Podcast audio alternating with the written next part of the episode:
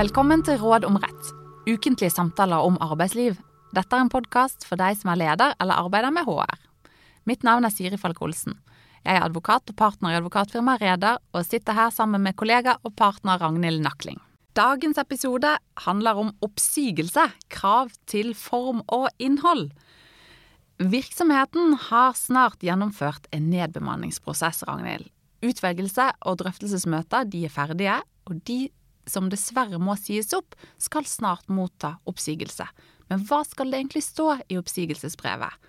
Og kan oppsigelsen sendes per e-post, eller må virksomheten kalle inn hver enkelt til et møte hvor oppsigelsen gis ansikt til ansikt? Hva er egentlig reglene her? For å starte med det første, det er ganske mye som skal stå i det brevet. Og hvis det ikke står, så er oppsigelsen ugyldig. Så her bør du være nøye og forholde deg strengt til reglene i arbeidsmiljøloven paragraf 15-4.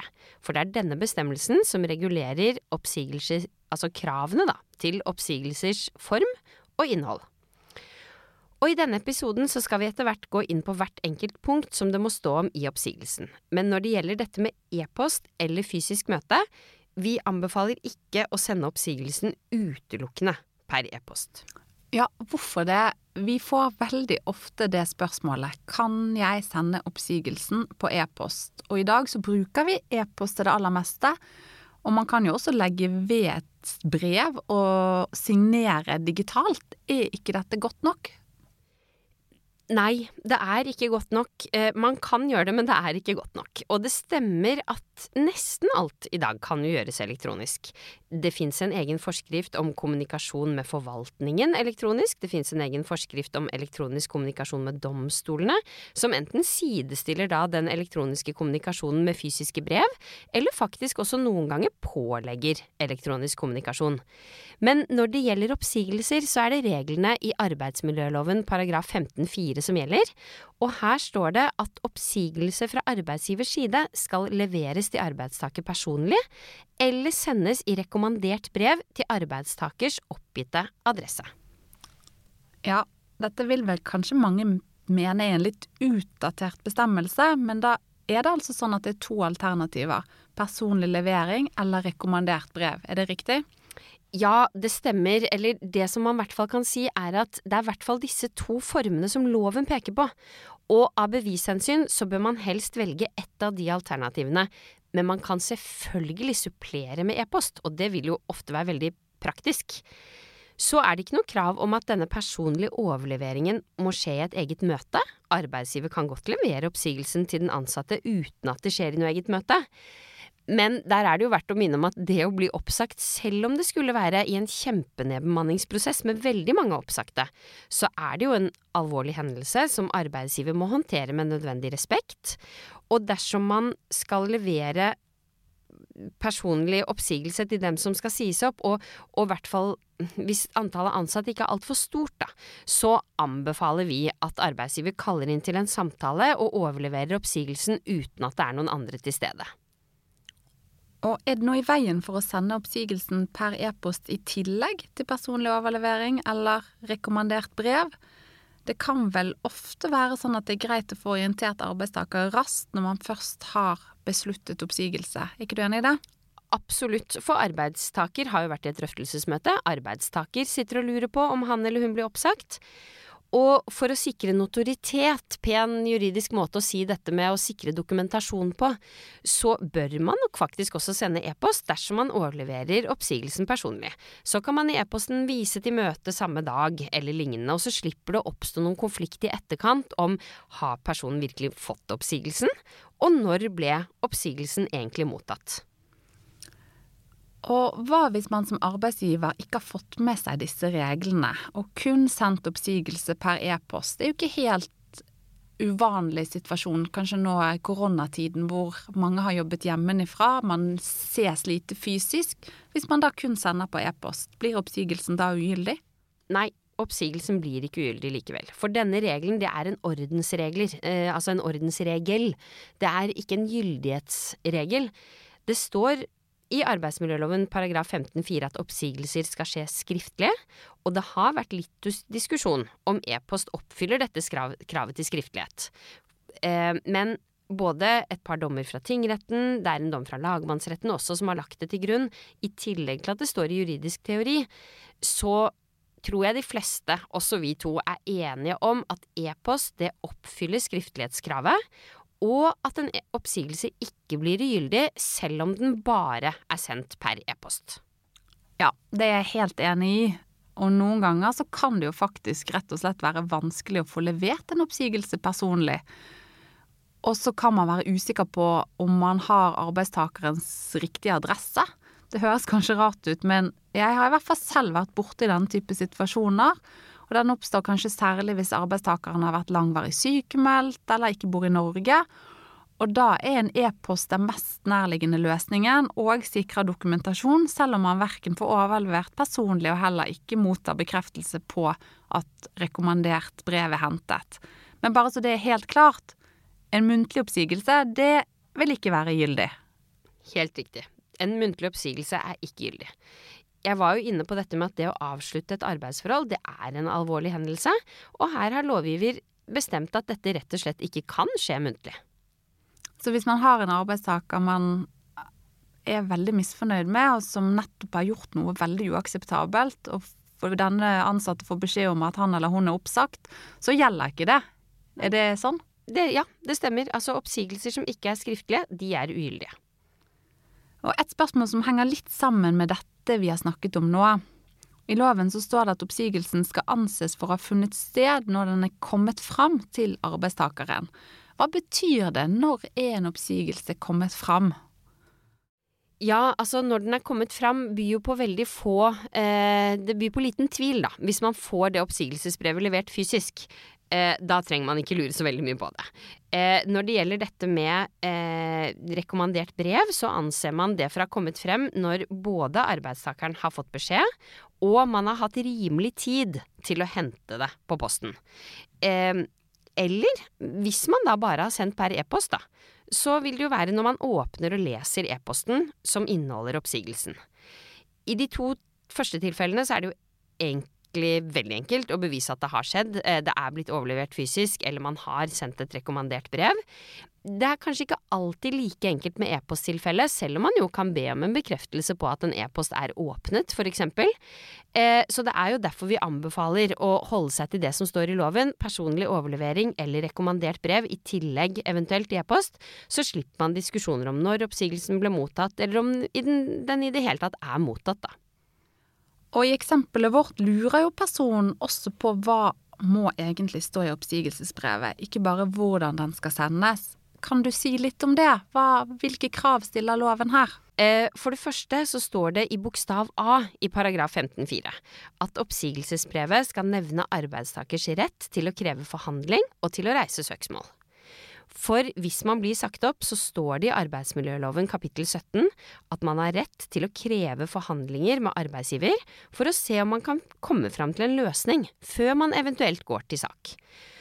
Og i denne type forhandlinger så kan det enten skje at arbeidsgiver trekker tilbake oppsigelsen. I prinsippet kan det jo skje, det er ikke så ofte, men likevel.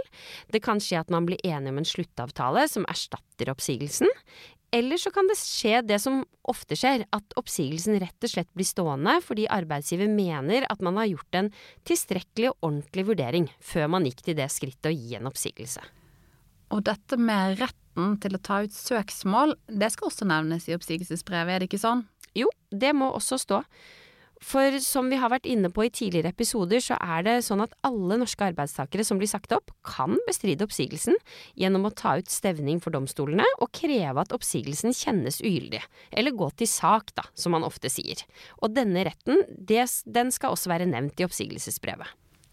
Og er det noe mer som skal stå i oppsigelsesbrevet? Det er mer. Man må også nevne retten til å stå i stilling i oppsigelsesbrevet. Og kort fortalt, hva er retten til å stå i stilling? Retten til å stå i stilling, det er jo retten til å videreføre det arbeidsforholdet du er blitt oppsagt fra. Det er retten til fortsatt å utføre arbeid, retten til å motta lønn, tjene opp pensjon osv., og også etter at oppsigelsestiden har utløpt. Så lenge man har da bestridt oppsigelsen og reist sak for domstolene, med krav om at oppsigelsen skal kjennes ugyldig. Man må ha gjort dette innenfor visse frister, eller så må man ha orientert arbeidsgiver om at dette vil bli gjort. Og da er det sånn at hvis man da etter at det er avholdt forhandlinger, så tar man ut stevning, krever oppsigelsen kjent ugyldig og man er innenfor lovens frister, da fortsetter arbeidsforholdet også etter at oppsigelsestiden er utløpt. Egentlig som om ingenting har hendt. Det er jo selvfølgelig teorien. I praksis så opplever nok begge parter at det er mye som har hendt. Men som om ingenting har hendt fram til en domstol har truffet en avgjørelse hvis man da ikke blir enig i mellomtiden om en avtale, slik at arbeidsforholdet avsluttes på en annen måte. Så det med å stå i stilling vil på mange måter si at oppsigelsen egentlig ikke får virkning, selv om oppsigelsestiden har utløpt. Er du enig i det? Helt enig. Man har da man har fortsatt plikt til å jobbe, man har fortsatt rett til å jobbe, man har rett til å motta lønn, tilleggsgoder, opptjene pensjon, så lenge man har bestridt oppsigelsen og orientert om eller gått til sak for å få eh, kjent oppsigelsen ugyldig, og da sagt at man står i stilling. Og hvorfor er det egentlig sånn, Ragnhild? I disse tilfellene så har jo arbeidsgiver tatt en beslutning om at arbeidstakeren skal sies opp. Og en slik situasjon må vel være ganske vanskelig å stå i for begge parter. Hvorfor, hvorfor har man den regelen likevel? Det korte svaret er vel at norske lovgivere, da, Stortinget, har bestemt at vi skal ha en sånn regel. For det er ikke gitt. Det er mange land som ikke har denne, denne typen regler. Men bakgrunnen er, i hvert fall sånn som jeg tenker det, for å sikre dette stillingsvernet som norske arbeidstakere har, altså oppsigelsesvernet, sikre det så godt det lar seg gjøre i praksis. Og det vil si at man da har vektet den reelle retten til å beholde en jobb som man mener at man er usaklig oppsagt fra, den har man vektet tyngre enn arbeidsgivers rett til å avslutte arbeidsforholdet med en arbeidstaker som de mener at de har rett til å si opp, som de mener at de har saklig grunn til å si opp. For det er jo ikke tvil om at hvis man blir sagt opp, og så ikke har rett til å stå i stilling, mens en sak verserer for domstolene, så er jo terskelen for å komme tilbake i akkurat den stillingen i realiteten ganske høy. Og så har kanskje lovgiver tenkt at da blir vel terskelen for å gå til det skrittet å bestride oppsigelsen også ganske høy? Ja, jeg tenker det. Eh, at for mange arbeidsgivere så er terskelen for å si opp en arbeidstaker ganske høy når man vet at personen vil ha rett til å beholde stillingen, både lønn og det å være på jobb, helt til domstolen har truffet en avgjørelse. Og det tenker jeg vel også er poenget med denne rettigheten, som du var inne på, Ragnhild, som ikke gjelder i alle land. Vi skal vel ikke lenger enn til Danmark før de som sies opp, i utgangspunktet ikke har krav på å stå i stillingen. Men kan, de kan kun kreve erstatning hvis de er blitt utsatt for en usaklig oppsigelse. Ja, det er sant. Men her i Norge så har jo da altså arbeidstakere denne retten.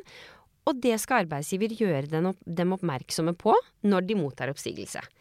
Det er likevel viktig å minne om at man må jo ha gått til sak innen visse frister for at retten til å stå i stilling skal kunne benyttes. Og så er det to elementer til man må opplyse om i oppsigelsesbrevet ifølge loven. Hva er det?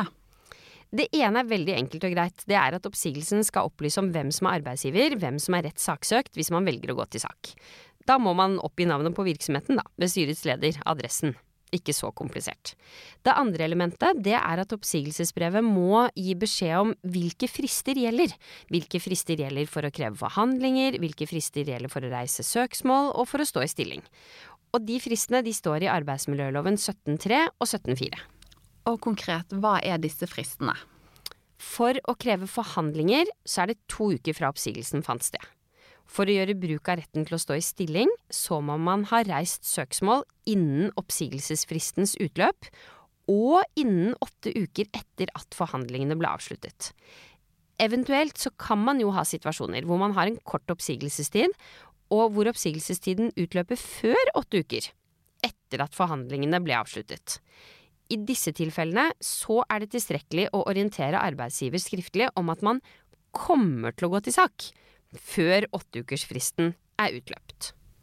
Og hva er egentlig fristen for at arbeidstaker skal kunne gå til sak mot arbeidsgiver? Den er også uke, åtte uker, og da regner man de åtte ukene fra forhandlingene ble avsluttet. Og i de tilfellene hvor arbeidstaker ikke har krevd forhandlingsmøte, hvor man ikke har hatt forhandlinger overhodet, hvordan regner man da denne fristen? Da er det fortsatt åtte uker, men da er det fra oppsigelsen fant sted. Men så er det noen tilfeller hvor disse fristene overhodet ikke gjelder. Når er egentlig det? Ja, det stemmer, og da er vi inne på konsekvensene dersom man ikke opplyser om alt dette som egentlig skal stå i oppsigelsesbrevet. Fordi hvis oppsigelsen enten ikke gis skriftlig, eller ikke inneholder de opplysningene som vi har gått gjennom nå, så blir oppsigelsen som hovedregel kjent ugyldig. Det følger av arbeidsmiljøloven 15.5. Er dette uansett? Er det en regel uten unntak? Ja, det, er, det er nesten jeg tenkte på det da jeg tidligere i episoden sa at en muntlig oppsigelse ikke Altså at den er ugyldig. Så er det jo sånn i jussens verden at det er jo nesten aldri en regel uten unntak. Men Unntaket her, da, det er at det er et krav om at man må ha gått til sak. Det er et krav at man må ha krevd ugyldighet innen fire måneder etter oppsigelsen fant sted. Og så er det en snever unntaksregel om at en sånn type oppsigelse kan likevel være gyldig dersom det er særlige omstendigheter som gjør det åpenbart urimelig, som det står i loven, at oppsigelsen blir ugyldig. Men det er en høy terskel for dette? Absolutt. Er det noen andre konsekvenser av en formuriktig oppsigelse, eller en oppsigelse som ikke har det innholdet den skal etter loven? Ja, altså hvis oppsigelsen enten er formueriktig, som rett og slett betyr at den ikke er skriftlig, eller at den ikke har det innholdet det skal, så gjelder ikke de fristene som jeg nettopp gikk gjennom. Altså to uker for å kreve forhandlinger, åtte uker for å ta ut søksmål. Da, da, da fins ikke de fristene. Hvordan regner man ut fristen da, som arbeidsgiver? Nei, da trenger man ikke å forholde seg til noe frist, verken arbeidsgiver eller arbeidstaker, for da er det ikke noe frist i det hele tatt. Så det er med andre ord en ekstra grunn til å passe på at oppsigelsen er korrekt, så slipper man som, som arbeidsgiver å ha dette hengende over seg? Absolutt. Helt riktig. Så til slutt dine tre viktigste tips å ta med seg når man har tatt beslutningen og skal sende et oppsigelsesbrev som arbeidsgiver. Hva må man huske på? Send gjerne oppsigelsen på e-post, men sørg for personlig overlevering eller å sende per rekommandert brev i tillegg. Husk å inkludere all informasjonen som arbeidsmiljøloven paragraf 15-4 viser til i oppsigelsesbrevet. Og ha i mente at dersom oppsigelsen er formuriktig eller ikke har et sånt innhold som loven har bestemt, så er det stor sannsynlighet for at den vil bli kjent ugyldig. Det var det vi hadde. Takk for i dag. Vi kommer tilbake med nytt tema og nye tips i neste episode.